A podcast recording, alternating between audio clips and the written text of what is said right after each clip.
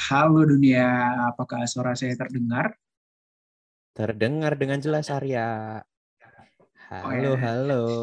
Uh, udah cocok banget gak sih mas ngomong halo dunia itu tiap bulan gantiin mas Iya, apalagi denger-dengar Mas Roy itu di episode sebelumnya tuh udah bilang bosen ya ngomong gitu ya tiap hari ya tiap ketemu tiap podcast kayak ada bosen gak ketemu kayak ini Iya kesempatan nih. gue deh buat jadi Oke. podcaster di sini coba kenalan dulu deh. Emangnya kamu siapa? gitu? Kenapa Waduh, kok kamu bisa bilang begitu?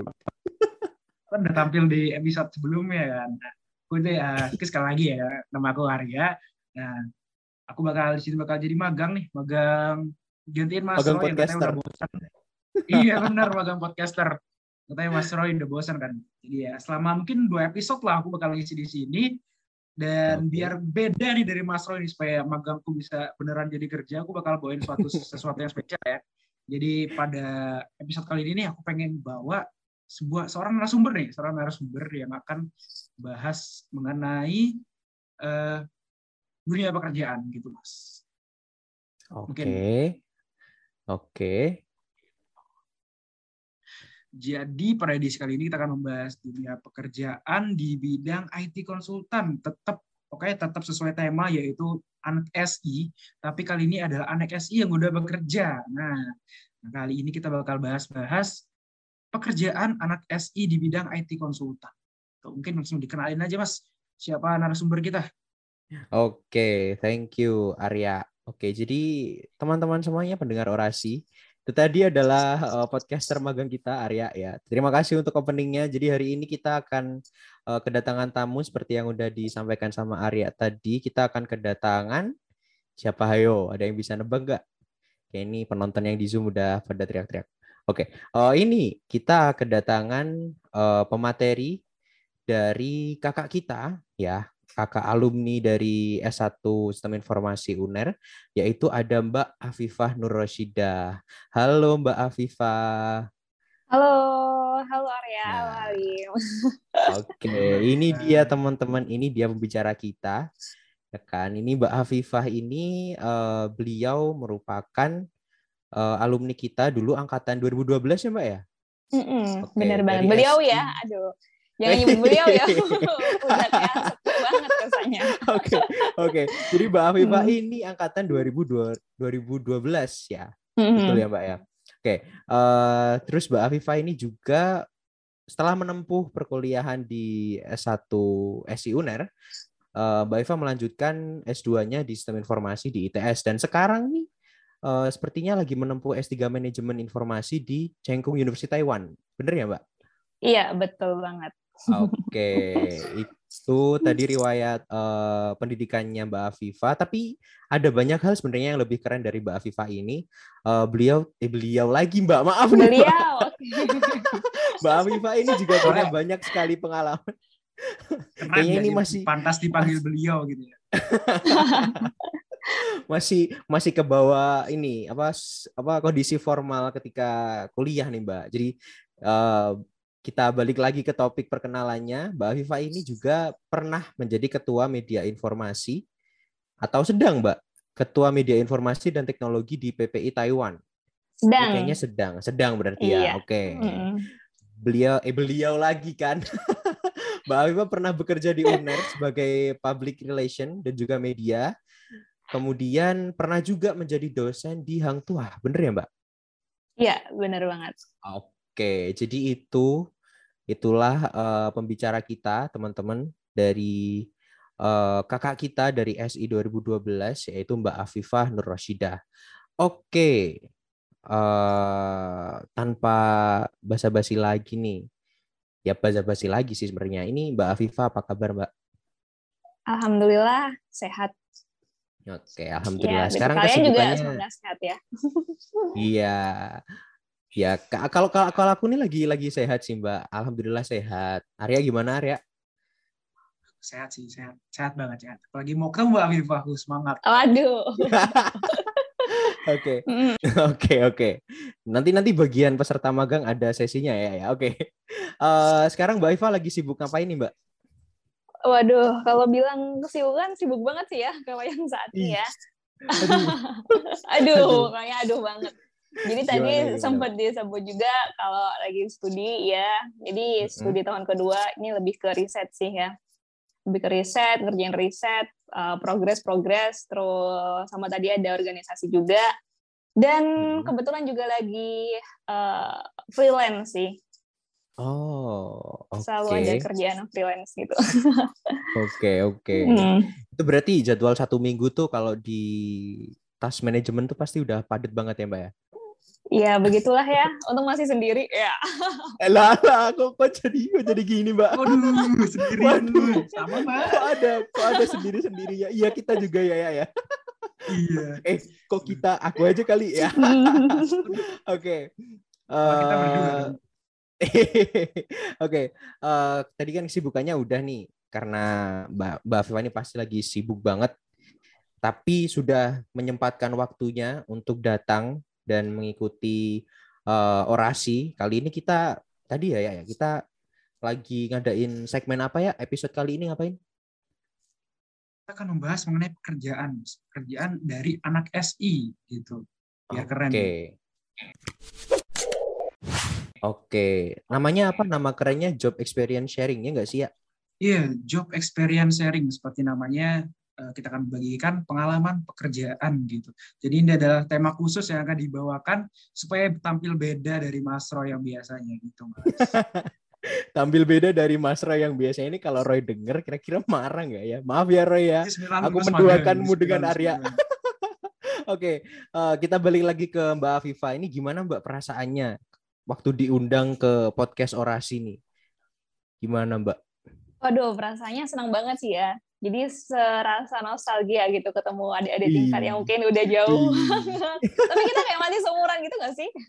Ih, Kayaknya gitu sih Mbak. Iya, menghibur Dewasa diri ya, ya. menghibur diri.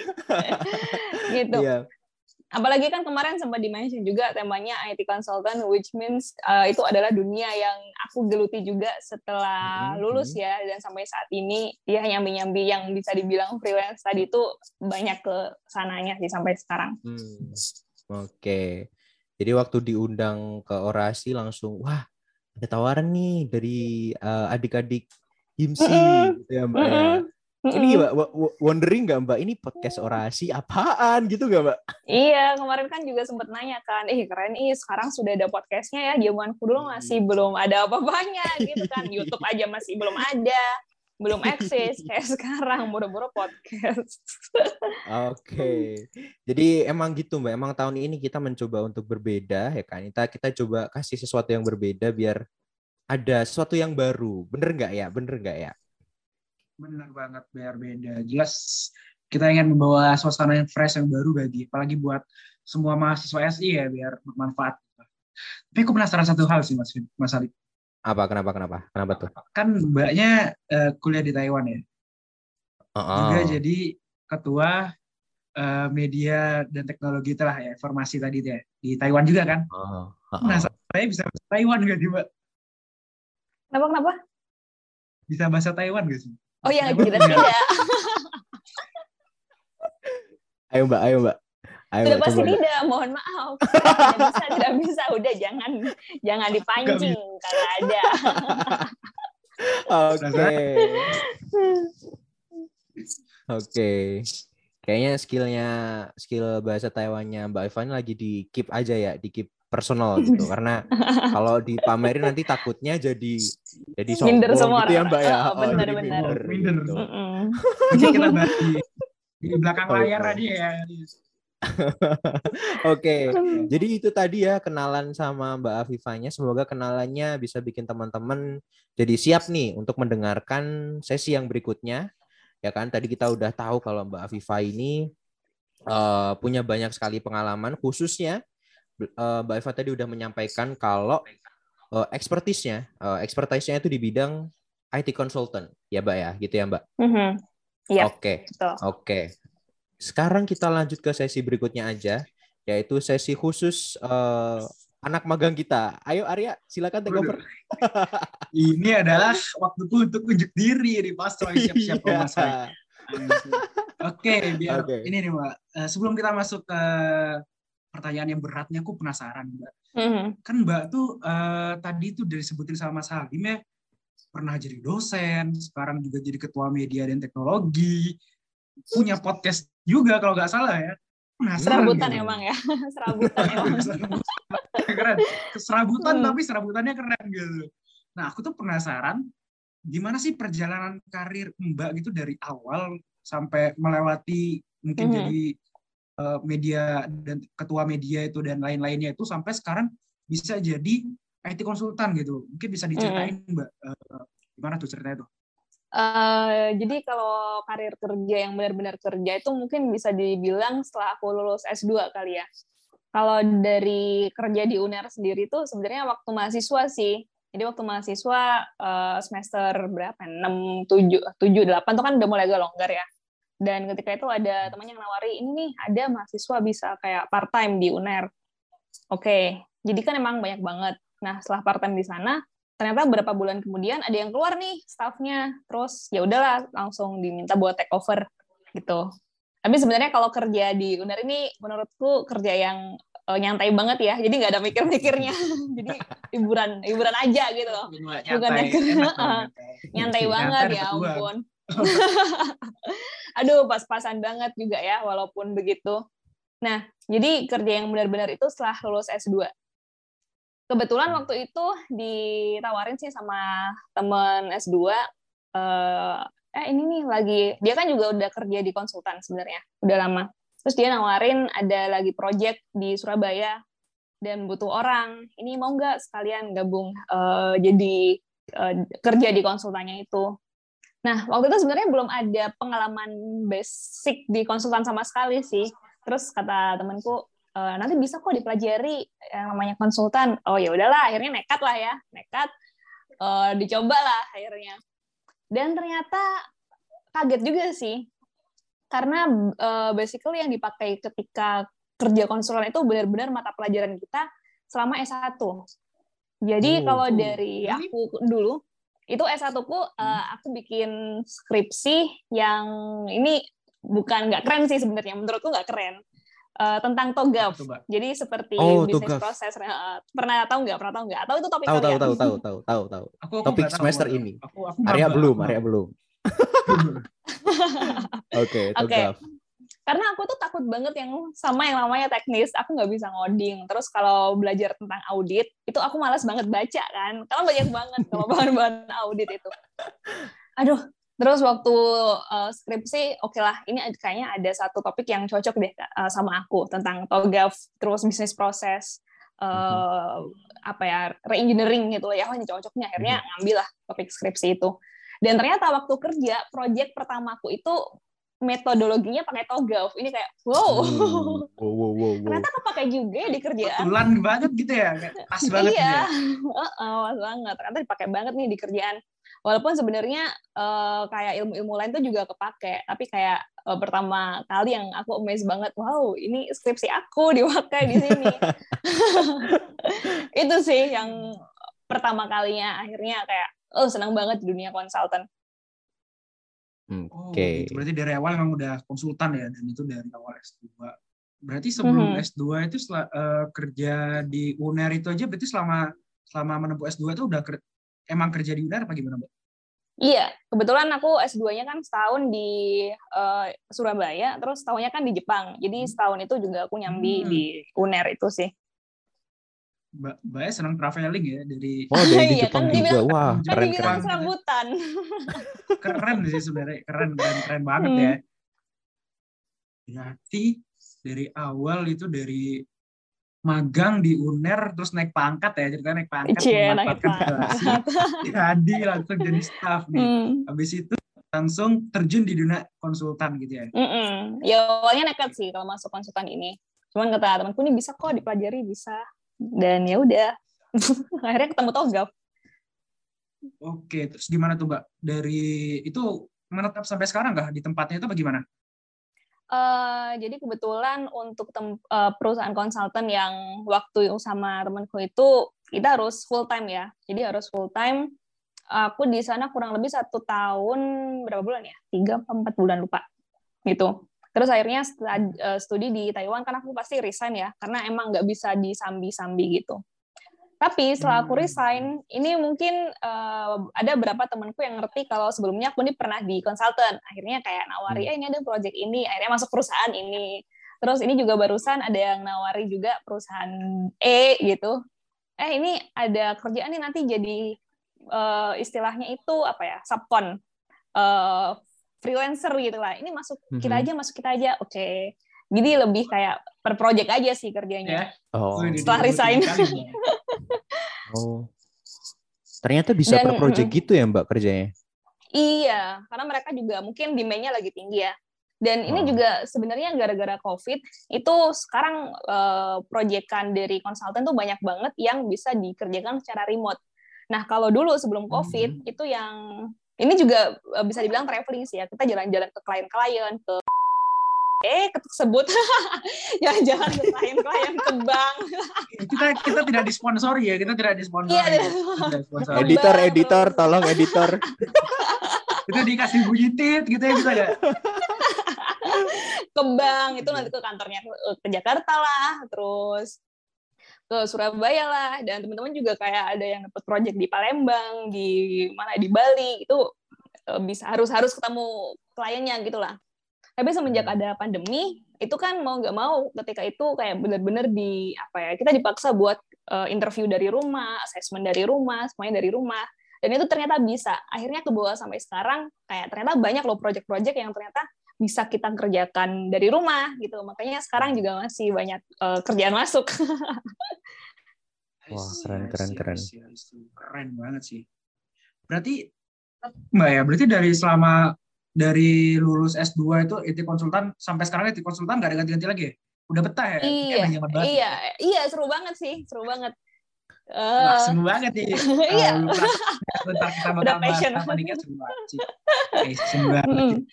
Jangan-jangan itu mungkin- juga, jangan-jangan, jangan-jangan itu ke bawah sampai S3-nya ya Mbak? Jangan-jangan ini studinya juga ngambil tentang IT consultant atau gimana Mbak? Enggak sih, kalau studinya itu lebih ke ya ada kaitannya sama kayak IT adoption, cuman kalau IT konsultan kan dia kita lebih ke problem solvingnya perusahaan ya. Kalau ini kita lebih ke riset metodologi data-data gitulah. Lebih Oh, ke see. ya tetap aja ke IT. Gitu. Oke, beda berarti. Oke, lanjut lagi ya. Kan gak sih mas? Uh, Keren banget sih aku. Iya bener. Saran masalah yang tadi katanya bakal seru banget bahasannya ini. Terus gimana nih Mbak? Kan tadi ngomong soal WFH ya, berarti kan Iya. biaya remote ya kita mahasiswa ya, kita Iya. kan mahasiswa kan dan juga full banget nih nggak pernah offline gitu. Kok rasanya jadi kayak mager gitu. Mager gitu. Laptop mau ngapain atau terbahan lagi. Itu kalau Mbak sendiri pekerjaannya gimana Mbak? Apalagi sebagai IT konsultan. Eh, jadi sebenarnya konsultan ini banyak jenis proyeknya ya. Dan seperti contoh kayak eh, bikin master plan, IT master plan. Terus ada juga yang IT maturity, eh, audit itu juga ada, lebih ke tata kelola. Eh, itu beberapa proyek yang ini ya, yang biasanya aku kerjakan. Ada juga kayak bisnis proses reengineering, itu ada. Apalagi ya, eh, bikin katalog IT. Nah, kerjaan-kerjaan seperti itu itu mostly kita harus kayak assessment ke mereka, interview, terus juga belajar data-data mereka, dokumen-dokumen mereka. Dan ini biasanya kalau dari aku sih eh, sebelum kita kayak assessment ke usernya, kita selalu belajar dulu nih dari kondisi mereka sekarang seperti apa, bikin eh, materi dulu, baru setelah itu kita confirm sama assessment langsung ke usernya gitu. Dan itu kalau sekarang kan kayak bisa pakai zoom cuma interview terus bisa share screen gitu kan. Jadi lebih enak aja sih. Walaupun sebenarnya offline itu juga lebih enak ya diskusi langsung. Tapi so far Mhm. kayak nggak ada masalah sih kerjaan IT consultant secara remote. Berarti nggak nggak pengaruh ya kata-kata bahwa Mm-mm. semakin dekat dengan kasur itu semakin mager berarti nggak pengaruh buat Mbak ya. karena dikejar deadline ya jadi nggak bisa. WA ini rasanya aduh tiap hari tiap saat ada aja yang ngechat kerjaan semua Gak apa-apa Mbak di di di eh, mode mode pesawat aja. ya. Oke. Dari tadi kita udah nyebut IT konsultan, IT konsultan. Dari tadi kayak udah IT konsultan, IT konsultan terus nih. Tapi aku masih belum paham nih. Mungkin sebenarnya IT konsultan masih Mbak. Dan kenapa kok IT perlu konsultan gitu? Mungkin bisa oke dijelasin gitu. Jadi uh, sesuai namanya ya konsultan. Konsultan itu di mana kayak uh, orang-orang yang punya permasalahan atau ingin mencapai sesuatu itu berkonsultasi. Yeah. kayak kalau curhat, psikolog curhat. kan, uh, iya curhat. Kalau psikolog kayak orang ada masalah pasti ketemu sama psikolog buat diselesaikan gitu kan. Nah itu juga IT konsultan sama. Nah, seperti contoh nih, misalnya ada sebuah perusahaan dia itu lagi pengen yang namanya uh, digitalisasi gitu katakanlah. Pengen digitalisasi, pokoknya dia nggak mau ada proses yang masih pakai kertas atau manual gitu. Dan dia tuh bingung mulai dari mana. Ih, ini perusahaan aku gede banget, terus harus mulai dari mana. Nah, di situ perannya ini konsultan karena kita sebagai advisory ya bilangnya eh, memberikan saran gitu kepada apa namanya perusahaan-perusahaan itu. Nah, makanya ada beberapa jasa yang diberikan sama uh, eh, IT consultant atau beberapa kerjaan yang biasanya dilempar sama perusahaan ke konsultan. Seperti hmm. contoh tadi yang sudah aku sebut dibikin master plan. Karena perusahaan itu pasti mager banget lah bikin master plan karena itu rempong banget ya dan panjang banget prosesnya.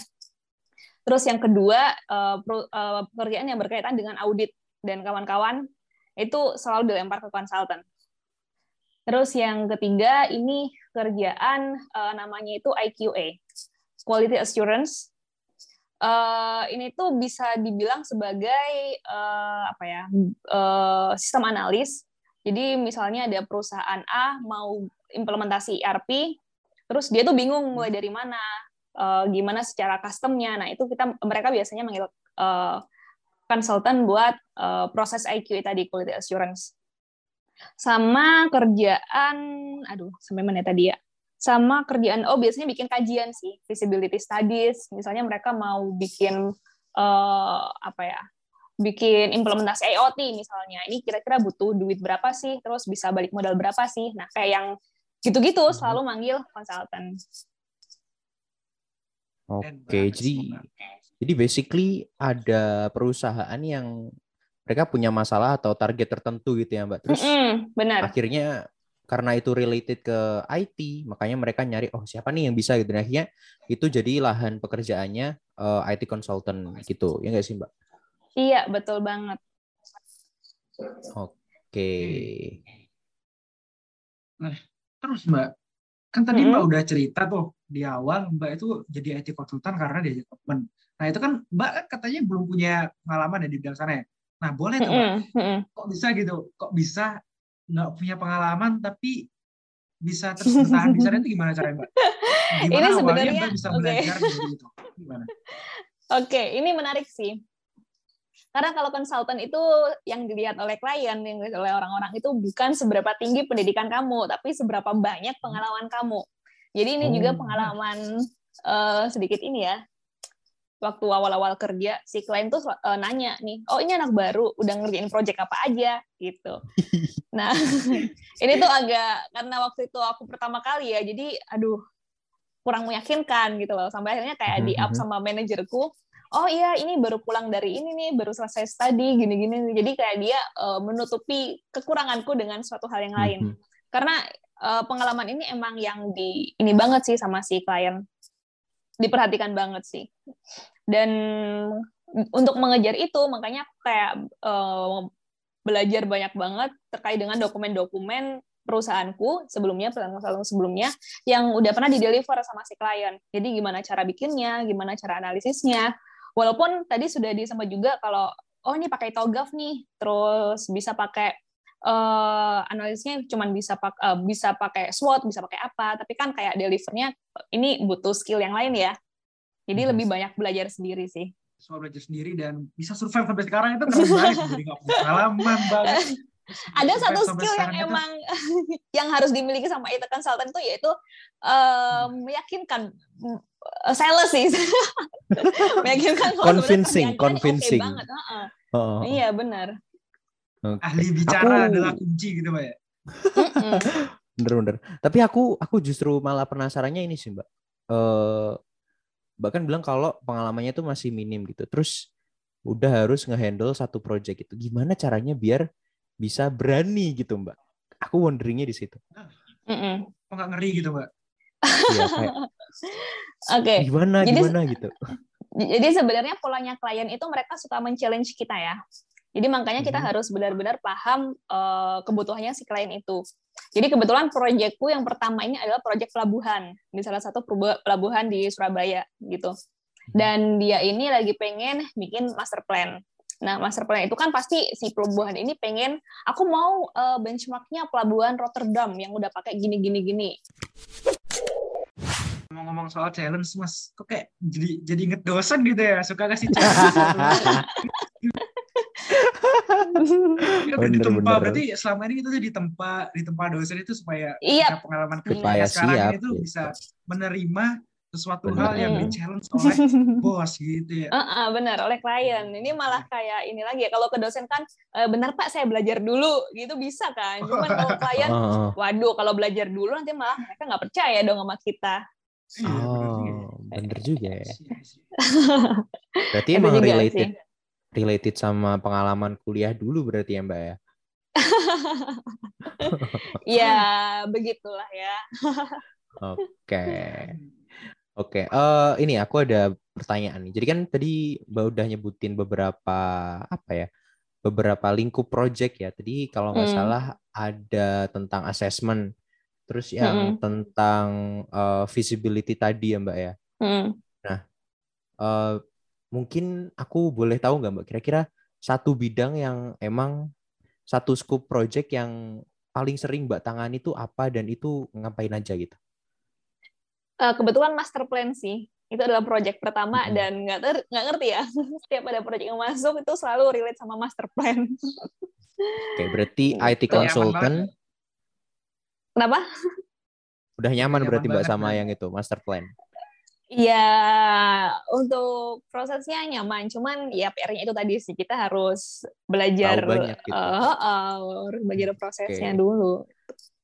Berarti eh, let's let's let's assume kalau eh, expertise-nya Mbak Eva, Mbak Eva ini di bidang eh, IT consultant, especially di Mhm. master plan gitu ya. Mm-mm. Hmm, Nah. bisa. Master plan tuh gimana Mbak? Mm-mm. Oke, jadi eh, kalau perusahaan itu kan pasti ada ini ya eh, strategic plan. Pernah dengar nggak? Kayak Mhm. misalnya ada perusahaan strategic plan lima tahun ke depan. Ya, dari ha, ha, 2021 ke 2025 itu selalu ada. Nah itu eh, adalah planning dari sisi bisnis. Biasanya tuh eh, kita juga ada kerjaan itu sih sebenarnya, cuman itu ruang lingkupnya lebih ke bisnis bukan lebih ke technical IT. Nah biasanya tuh eh, untuk menyeimbangkan strategic plan dari sisi bisnis, perusahaan selalu ada yang namanya IT master plan. Jadi IT master plan itu bisa dibilang kayak eh, si bidang IT ini, si unit divisi IT selama lima tahun Mhm. ke depan itu kamu mau bikin apa sih untuk Hmm. mencapai strategik bisnisnya itu? Mhm. Contohnya nih eh, strategik bisnisnya itu dia mau menjadi top bank di Indonesia gitu kan.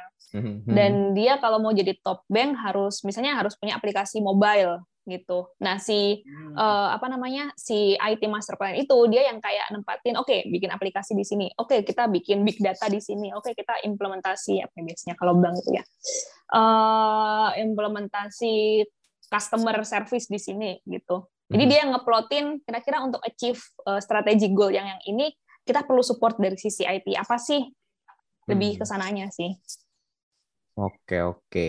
Jadi eh, kalau yang ditangani Mbak Viva itu lebih berkaitan sama long term goal-nya dari perusahaan itu ya Mbak ya. Mereka Mm-mm, pengen apa benar. dalam jangka waktu berapa, terus sekarang mereka udah punya apa, berarti nanti tugasnya Mbak Viva sebagai IT consultant itu adalah memetakan ini nih yang kamu kurang gitu. Kamu lima tahun Mm-mm. bikin ini gitu. Mm-mm, gitu. mm-mm, benar.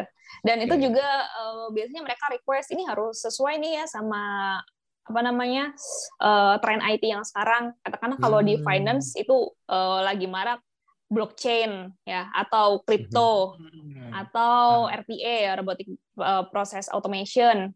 Nah itu biasanya kita juga harus update nih. Sekarang lagi apa sih yang ada di finance? Uh, dan itu juga harus bisa disesuaikan sama apa yang mau kita jual nih ke klien. Makanya kita kayak belajarnya Hmm. tuh banyak banget sih. Belajar yang tren sekarang, benchmarking, terus juga belajar mereka sanggup nggak sih achieve ini ke lima tahun ke depan gitu. Oh gitu. Oke, I see, I see. Berarti ini ya, ya karena emang perlu belajar banyak nih kayaknya eh IT consultant ini adalah salah satu pekerjaan yang menarik gitu dan cukup Mhm. demanding tapi juga eh, emang lagi banyak permintaan juga ya Mbak ya untuk IT consultant Mm-mm. sekarang. Iya, iya. Dan Oke. mostly kayak perusahaan-perusahaan tuh pasti hire consultant sih. Mereka kayak Mhm. yang males gitu loh, assessment satu-satu, nanyain, misalnya nanyain ke bagian bisnis ya, bagian ke bank gitu. Eh orang bank sekarang lagi butuh apa nih? Itu pasti mereka males kan orang IT-nya. Makanya mereka lebih Heeh, kayak meng-hire konsultan untuk melakukan pekerjaan-pekerjaan kasar. bener bener. Oke, oke, oke. Mungkin ini ya kayak kalau kita lagi curhat gitu kita perlu solusi Waduh. dari orang lain gitu ya. Mungkin kalau iya, bener. kalau Iya, mikir benar, sendiri kan pusing gitu kan. Wah, aku harus ngapain? Aku mulai dari heeh. mana itu? Ini ada kaitannya sama dana sih ya. Karena biasanya kalau manajemen tuh bos-bos itu lebih approve dana yang eh, diusulkan oleh orang luar. Beda kayak misalnya dari internal IT, kita mau implementasi big data nih, ini butuh 100 juta itu. Itu dari orang IT. Orang orang atasan eh, dengan perusahaan yang sama pasti mikir, "Lah, emang buat apa 100 juta banyak banget?" gitu. Bener Nah, bener bener. makanya itu juga eh, di consulting eh, selain kita kayak bikin program kerja buat mereka, oke implementasi big data selama setahun. Kita juga harus bisa mendetailkan nih. Misalnya kayak implementasi big data butuh apa namanya? eh, butuh storage berapa, butuh beli server lagi enggak? Itu detail-detail Hmm. biaya itu harus didetailkan sama consultancy dan itu juga lumayan PR ya karena setiap program harus Iya. kita detailkan dalam bentuk rupiah. Iya. Berarti termasuk tahu spesifikasi sebuah device gitu juga tugasnya. Bener. Iya, betul banget. Oh wow. Jadi, nah tapi itu sebenarnya di- Ya. dikerjakan oleh tim ya. Termasuk kayak misalnya eh, apa ya contohnya ya, eh mau bikin itu tadi sih, mau bikin big data kan pasti butuh storage lebih ya. Iya, Eh, iya. Nanti kayak supporting device-nya itu apa aja sih? Kita misalnya butuh spesifikasi servernya itu yang kayak apa nih? Dia berapa giga atau berapa itu juga harus ada. Dan kayak survei-survei harga tiap device-nya juga sih. Oh, wow. Jadi yang Hmm. dipelajari nggak cuma proses bisnisnya, tapi juga merambat ke Mm-mm. item teknologinya gitu kayak Bener. bener-bener mesinnya, spesifikasinya gitu nggak sih? Termasuk salah satu output dari master plan itu adalah bikin topologi. Ayo, ayo. Ingat Oh, nggak topologi jaringan. Jaringan sih? komputer. Itu aku dapat Mm-mm. sekarang gitu, aku dapat Ada yang star, ada yang bus. bus. Eh, itu kalau Yes. keluar Iya. di, di matkul di di TS kemarin keluar tuh aku bingung. Termasuk gitu. itu termasuk itu juga sih Em, kayak mau improve storage kita mau nambahin apa sih bikin jaringannya gitu lah. Karena mereka juga pasti ngasih data-data gambaran topologi yang sekarang kan ya. Misalnya kita mau nambah Oh. storage pasti eh, nambah server itu pasti nambah lagi gitu loh. Dan gimana sih cara nyambungin? Ya begitulah. Agak ribet mah Oh, kalau wow. teknologi. Berarti apakah Mbak perlu belajar pakai tracer juga kah? Seperti kamu? pakai Cisco. Iya, lagi Cisco Cisco Tracer. Eh, nggak perlu yang sampai detail sih sebenarnya. Cuman kalau untuk hal-hal yang teknis, eh, kadang aku lebih ke ya udah Bismillah sulap. Waduh, Tapi yang penting Tapi jangan itu- ya. Kan mereka juga nggak Ah. ngerti. itu Oh itu iya, itu semuanya sulapnya. tuh itu semuanya tuh ada timnya atau emang Mbak Ada kerja? tim pasti. Oh ada tim. Aduh, kalau- kalau sendirian ya. Kalau solo agak ini juga ya. iya benar-benar. Oke. Jadi kalau untuk yang teknologi itu biasanya eh, lebih banyak ke tim yang lain sih. Aku pernah bikin sekali, tapi eh, aku juga kayak minta approval, minta diskusi sama Hmm, hmm, benar. ini temanku yang lain takut salah gitu. Nice. Oke, oke. Jadi Nah. emang kompleks sih ya, ya, ya. ya. Mm-mm. Terus ini Kompleks ini sih. Nah, mengarah. itu Mas. Ini aku meng- ada satu Nah, lagi question nih ya. Ada satu. Nah, apa tuh?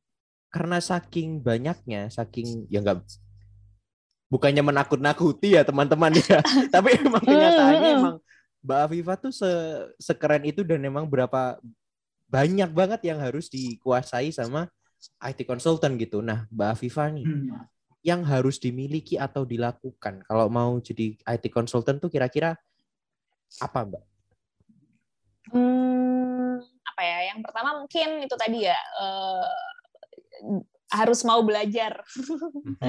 Sebenarnya kalau dari metodologi itu simple banget sih. Kayak kita lihat TOGAF TOGAF itu kan yang kita pakai di uh, laporan untuk master plan itu kan pasti dari sisi Hmm. bisnis, aplikasi, data sama teknologi ya. Ah, ya, ya. Itu so far simple banget. Cuman untuk uh, assessment-nya itu perlu yang telaten banget sih. Kayak bisnis si perusahaan ini punya bisnis apa aja, digambarkan dalam bentuk aplikasinya apa aja. Belum lagi kalau aplikasi perusahaan tuh banyak banget kan.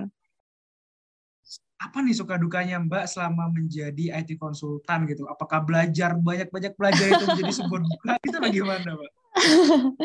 eh apa ya? Kalau untuk sukanya itu ya kayak suka aja sih kita masuk ke prosesnya perusahaan, terus juga punya kenal-kenal banyak orang karena selalu ada presentasi di depan direksi, di depan manajer gitu kan. Wih kayak wih gila nih. Aku menggurui seorang manajer gitu kan kayak ngasih saran ke manajer gitu kayak gitu. wih ngerasa keren banget sih. Walaupun gemeter juga sih sebelumnya. Gitu. Kayak ya itu sih kayak positifnya kita lebih update nih kalau IT sekarang eh, kayak gimana di luar kebutuhannya seperti apa. Dan mungkin selama kuliah eh sebelum lulus itu masih abu-abu gitu ya. Ini sebenarnya kuliahku dipakai apa sih? Sebenarnya sebenarnya nanti kayak gimana sih? itu. Sekarang aja udah Mbak, kita udah gitu Mbak. apalagi kayak kalau kita lihat eh, di SI ih, ini enak banget sih anak-anak yang bisa ngoding ya kan? Sedangkan kita kita tuh nggak bisa ngoding. Besok kerja apa? Ya ampun kan nggak ada Gitu ya, kerjaan makanya itu yang membuat aku ya udahlah ngajar aja jadi dosen enak kali ya ternyata ketika terjun ke dunia konsultan wah enak cuannya juga lebih enak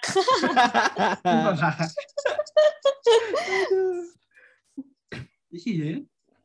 Nah, terus tuh Mbak, banyak tuh ya pengalaman suka duka dari dari, dari tadi tetap bahas IT konsultan tuh banyak. dukanya belum aku yang- sebutin dukanya Oh iya dukanya. Nah apa tuh Mbak dukanya Mbak? Dukanya dukanya itu lebih ke deadline ya. Jadi eh, ke mana-mana kepikiran aduh belum ngerjain ini. Terus ini gimana ya deliver ke klien. Pokoknya selalu di eh, tidak tenang lah hidup. Wah, ternyata ternyata ini ya, ternyata aku aku bisa relate ke Mbak Afifah. Berarti aku ada beda jauh dengan beda ya. jauh dengan kuliah gitu. Jadi ada ada iya garis. sama. Iya. Apalagi kalau project itu kayak ada milestone-nya kan aduh minggu depan ini harus ada progres nih. Dan di konsultan itu eh, ini nggak tahu ya kalau di eh, kuliahan dapat atau enggak kita belajar yang namanya project management ya kan? Katakanlah kita selalu normalnya eh, bikin project itu tiga atau empat bulan. Mhm. kita harus bikin ini nih eh, kira-kira untuk dua minggu pertama itu kita harus deliver apa nih ke klien. Makanya kita selalu ada kayak pencapaian tiap minggu yang dihitung perhitungan project management lah minggu ini udah berapa persen nih progres minggu depan udah berapa persen nih progres lebih ke sananya sih achieve progress eh, persentase progres tiap minggu itu yang jadi hantu banget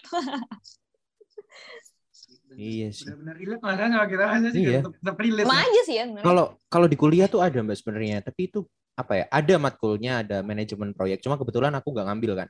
Tapi Mhm. eh, feeling dan tekanannya, pressure-nya itu sama kayak eh, ketika kita ada tugas proyek. Jadi Mhm. ada banyak kan project base gitu kan. Misalnya UTS nanti project gitu. Jadi kayak nah ha. wah minggu depan harus ngerjain apa, minggu ini ngerjain apa gitu. Jadi ternyata gitu rasanya. iya ya begitulah Tapi mas, tapi mas, kalau kita kan Mm-mm. masih masih sekedar belajar, masih sekedar menghayal ya. Ini Kalau Mbak Viva ini kan Langsung. perusahaan asli gitu. Iya perusahaan. Iya. Kalau istilahnya kalau eh, S1 itu ngerjain skripsi gitu lah. Dulu kan Togafku menyelesaikan di pabrik kecil gitu ya. Kalau sekarang di- diselesaikan di BUMN dan itu juga pressure-nya lebih tinggi. Oke. Oke. Terus Mbak, dengan segala kepusingan itu misalkan ya, apalagi kita kan bahas perusahaan asli, kalau salah langkah kan ngeri gitu ya. Gitu. Gimana nih Mbak? Eh, kalau bahasa keren sekarang kan healing-healing gitu ya. Gimana kalau Mbak jenuh dan sedang Waduh, stres dengan healing. dalam pekerjaan Mbak itu tuh Mbak tuh ngapain gitu Mbak untuk menangani semua Aduh nanti ketahuan healing gitu, tapi gitu. tapi nggak apa-apa lah ya. Healingku itu ketemu teman sih. Eh, satu ya sambat-sambat lah, sesi sambat. Nah, walaupun dia nggak ngerti, cuman yang penting keluar itu. Terus yang kedua paling nonton drama Korea sih ya. Wah, ternyata pelariannya drama. Iya, iya, gimana ya? Ya udah. Itu aja sih. Lainnya jangan healing lama-lama karena harus menyelesaikan pekerjaan. deadline Bener lagi. Deadline lagi. Ketemu Seru sih, tapi seru, lagi seru. gitu. Seru. Oke. Jadi gitu ya ternyata healingnya. Tapi aku yang paling relate itu ya bukan berarti aku udah ngerasain jadi Mbak Afifah gitu. Tapi kayak ternyata itu yang dirasain selama kuliah itu sangat linear dengan nanti ketika kerja gitu. Kalau menurut eh, Mbak Afifah itu seberapa seberapa banyak sih eh, yang diabsorb ketika kuliah dan akhirnya dipakai. Tadi kan ada tentang togaf, terus ada juga Mhm. tentang jaringan gitu. Kalau dari pengalamannya Mbak Afifah gimana? Ini mungkin juga apa ya memberikan eh, penguatan kepada teman-teman gitu. Kalau semua yang kita lalui saat ini tuh worth it gitu loh. Sia-sia gitu. Iya. Iya sih, benar-benar. Eh, karena kalau sekarang tuh nggak ngerti ya, angkatanku waktu itu mostly eh, kesusahan banget di perteknikan algoritma programming. Kalau sekarang gimana? Mhm. Sama aja atau sama aja ya? Mungkin sama aja sih. Mbak. Atau- Sama aja sih. Atau Banyak yang udah pro, banyak yang udah pro. Ada beberapa yang pro gitu, tapi ya gitulah Mbak. Pasti ada Ada, outlier, ada pasti ada. pasti ada outlier, ada yang standar, Mbak. Iya, jadi nge- eh, kalau yang SI dulu itu emang lebih ditekankan kalian harus bisa programming programming dan kayaknya setiap Mhm. semester selalu ada pelajaran programming ya. Kita aku dulu selalu kayak followers banget temanku yang pinter, aduh please help me ya, ya udahlah nanti ajarin aja nggak bisa. pokoknya kalau Cari banyak itu temen, Mbak, ya. Mm-mm, pokoknya udah pasrah banget lah kalau yang pemrograman itu nggak ngerti lagi nggak bisa ya. Eh Jadi kalau di eh, SI sekarang kan mata kuliahnya banyak banget ya, mulai dari yang bisa dibilang pengantar, terus jaringan itu tadi, terus data juga ada. Hmm, jadi kalau dari aku sih ya udah dinikmati aja karena kalau dari pekerjaanku yang sekarang di konsultan itu semuanya pasti kepake sih di data Hmm. itu juga ada projectnya yang yang namanya data governance gimana Oh. kalian bisa membuat data dalam perusahaan itu terintegrasi nggak ada yang redundant gitu-gitu Wah, juga ada wah, nih iya project bener. kayak gitu. Banyak banget pokoknya yang bisa dipelajari. Terus selain Dengar kayak developer terdengar sulit. Terus mungkin yang kayak eh, orang-orang udah passion di developer udah bisa menikmati lah ya eh, mata kuliah mata kuliah yang emang lebih ke RPL Mas- masih ada nggak sih RPL Alpro Mhm. itu pasti ya udah nanti pasti kepake Informasi. Alpro ada Alpro. Hmm. Nah terus kalau dari teman-teman ada yang mungkin "Eh, aku mau ke audit aja deh, kayaknya lebih enak nih ya. Kita banyak-banyak baca dan nggak perlu banyak teknis. Tapi kadang mikir, aduh kerjanya apa ya? Auditor emang kayak gimana? Nah ini konsultan juga ada auditor. Bahkan di bank-bank itu juga ada berapa eh, auditor gitu loh. Jadi nggak perlu Hmm. khawatir, karena masih ada lah ya. Dan dibutuhkan. Apalagi sekarang Hmm. yang paling penting itu sertifikasi. Itu banyak banget sertifikasi Hmm. bahkan Tonggaf itu kan juga ada sertifikasinya tapi aku masih Oh, belum iya. ambil sih Mm-mm. Oh iya. Oke. tapi karena mahal dan tidak ada yang membiayai aku Oke. sertifikasi itu manfaatkan sih kayak Tonggaf ada sertifikasinya si Kobit ada sertifikasinya itu benar-benar kepake dan bisa membuat eh, nilai jual kita lebih naik lagi di dunia kerja Oke. apalagi ya pelajaran-pelajaran itu sih dulu ada pelajaran kayak ERP ERP ya kalau nggak salah aku nggak lupa Enterprise nggak sih sekarang? Resource enterprise. Planning. sih. Ya ada Ah, sistem ah, enterprise. Sistem ERP. enterprise gitu. Iya, itu juga di itu juga kayak eh, mostly kan perusahaan-perusahaan sekarang kan pakai itu semua ya. Pelabuhan pakai, bank itu juga pakai dan yang sekarang tuh eh, klienku juga pakai itu. Nah, itu eh, ada beberapa juga kadang perusahaan minta di-adjust nih, di-adjust apa ya, ditambahkan function-function lain yang bisa mem- memenuhi kebutuhan perusahaan itu. Nah, itu ada pasti ada proses lagi dan ini fungsi kerjaan bisnis analis tuh kepake banget. Jadi yang Hmm. takut sama coding-coding jangan khawatir, ada kakak di sini. Wih. jangan jangan takut coding karena ada Mbak Afifa gitu sebagai Oh. salah satu contoh gitu nyata. bahwa para pendengar orasi. Tanpa coding pun kita masih bisa strive teman-teman gitu loh. Masih bisa Benar. bertahan gitu. Oke. Betul. Jadi itu ya teman-teman eh, terkait dengan IT consultant gitu ya. Terus aku ada satu hal menarik nih Mbak. Kan kemarin eh, aku baca kalau Mbak Alfa itu juga ada podcast gitu kan. Mm-mm. Nah, terus aku nyari tuh di Google gitu kan. Namanya Mbak Alfa siapa gitu kan. Waduh. Ketemulah profile apa ya kemarin profile LinkedIn habis itu ada waktu dicari di Google Image itu ada eh, berita bahwa Mbak Afifa itu mengejar beasiswa atau gimana gitu dengan menggunakan Mm-mm. podcast itu. Apakah itu benar? Oh, Oke. Aduh, eh, jadi sebenarnya kan eh, emang aku dari- dari lulus S1 rencana lanjut studi kan. Mhm. Dan ini sebenarnya kalau untuk lanjut studi sendiri pastinya kita nyari beasiswa. Dan ini eh, susah gitu ya nyari Mhm. beasiswa sekarang. Apalagi waktu S1 tuh aku kayaknya kupu-kupu banget gitu loh. Dan sukanya nongkrong di warung kopi. ya ampun. Kita semua perlu uang, nggak? iya, suka nongkrong. Aduh, aku sangat tidak akademik lah ya. Suka nongkrong, suka main. Terus aku juga kayak, aduh, pokoknya ya be aja gitu loh. Nah, ketika aku mencari mencari beasiswa, ini baru menyadari, wow, aku tidak ada prestasi. Kok gitu, Mbak? iya, Terus terus terus aku gimana udah terus prestasi terus ya udahlah akhirnya kayak eh, kayak kayaknya perlu nih eh, dan aku juga kayak nyoba beberapa beasiswa dan akhirnya gagal gagal gagal itu kan. Terus ya emang ada prestasi ya tidak ada yang dijual gitu ceritanya.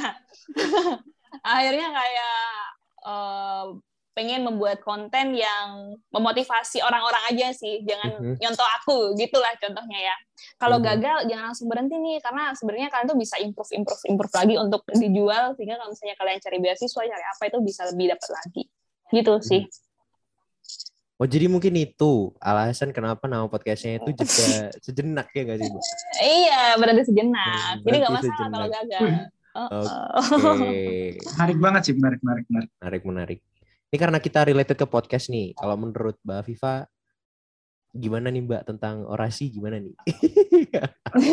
Atau mungkin ada ada tips dan trik gitu gimana caranya biar bisa sampai kayak eh, podcastnya punyanya Mbak gitu. Karena udah banyak banget aduh ini episodenya dan cukup banget kemarin aku denger tuh kayak menarik banget gitu loh. Gimana Mbak? Ada tips dan trik gak? eh apa ya mungkin kalau buat ini dimasukin nggak sih nggak nggak tahu lah bebas lah ya kalau buat aku sih carilah topik-topik yang itu bisa relate ke target Pendengar. kita Hmm. Heeh, yang bisa relate misalnya kalau dari podcastku itu kan sasarannya orang-orang yang nyari beasiswa dan itu susah banget kan terus aku kayak nyari ini nih cerita banyak nih kayak orang-orang gagal tapi mereka tetap mulai lagi gitu loh Mhm. jadi Mhm. kalian kalau misalnya lagi capek ya udah ini masih banyak contohnya nih yang gagal bangkit gagal bangkit gagal bangkit gitu Mhm. nah jadi kalau kita bisa merelatekan cerita yang atau topik yang kita sampaikan ke halayak umum halayak oke ke pendengar itu biasanya mereka kayak wah ini bagus nih kontennya dan mereka pasti akan nungguin episode kita Oke. See. Gitu ya. Oke. Jadi mungkin untuk teman-teman orasi ya kita siapkan lebih banyak topik lagi nanti biar kita bisa eh jadi lebih relevan dan menarik buat teman-teman himsi dan semua orang di luar sana deh, gitu deh. Gitu. jangan Kita ini sih jang- jangan terlalu berat-berat sih topiknya yang nyantai-nyantai aja Oke, oke. Itu ya saran dari Mbak Afifa. Oke, Mbak. Thank you untuk eh, sarannya, Mbak. Nanti biar diproses sama ini nih, manajemen kita. Wih, ada manajemen. Wede. Manajemen nggak tuh? Oke. Oke, Aku balikin ke Arya deh. Gimana ya? Ini sesi Ngeri, ngeri. anak sesi anak magang lagi. Aduh. Waduh, nggak kerasa ya. Saking serunya ini udah, mau tahu udah lama aja kita ngobrol nih nggak kerasa banget Mbak ya. Nah, aku mau nanya nih Mbak, gimana nih kesan-pesan yang Mbak nih sama kita tanya-tanya nih Mbak. penasaran sama hasilnya aja sih kayaknya tadi banyak banget ceritanya Iya, terus sih banyak akhirnya kayak banget. bisa cerita aja tentang kehidupan aku biar aku tidak menginterview ter- orang terus akhirnya dia menginterview aku Yeay. kasih kasih kasih kasih. Oke Oke, kalau gitu aku pengen minta satu kata penutup nih dari Mbak. Ya nggak satu kata Waduh. sih, satu kalimat lah gitu kalau apa Satu kalimat dari Satu kata, satu kata cuma cukup gitu doang dong ya. Ya, makanya, Udah. Satu kalimat gitu atau satu kalimat terserah. Satu kalimat, satu kalimat. Atau banyak apa juga nggak apa-apa, Dide. Banyak banyak nggak apa, Mbak. Buat apa nih? Eh, Buat closing statement kita. ya? Iya, closing, closing statement. statement.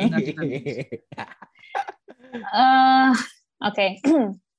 Di buat pendengar podcast orasi ya, yang mungkin sekarang sedang mencari jati diri, eh, dicoba aja lah semuanya senyamannya dan juga jangan terlalu memaksakan diri kalau emang gak nyaman, karena yang namanya pekerjaan, yang namanya rezeki itu nanti pasti akan nyambung dan dapet lah ya sesuai dengan kapasitas kita masing-masing. Jadi semangat. Wih. Waduh. Terima kasih. Terima kasih, sangat mantap ya. Terima kasih bener, banget bener. dari Mbak Afifah karena sudah menemani kita berada pada episode spesial magang saya hari ini. Uh, episode jazz pada uh, pertemuan kita pada kali ini nih. Oke, kalau gitu uh, kita akan tutup nih dengan sebuah pantun. nih. Mungkin Mas Roy, aduh nggak bakal pernah nyiapin pantun kan ya? Aduh, nyiapin pantun. Mas Roy, gimana gimana ya? Bismillah lulus magang, Bismillah lulus magang.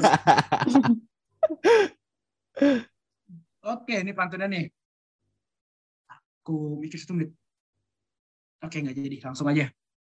Eh, malam minggu denger podcast. Masih Podcastnya cakep, podcast orasi. cakep. Oke, para pendengar calon orang sukses. Eh, teri- selamat tinggal dan terima kasih. Terima kasih ya buat Mbak Ami. Selamat tinggal. Oke. Ya, Udah kayak mau pamit ya. ya.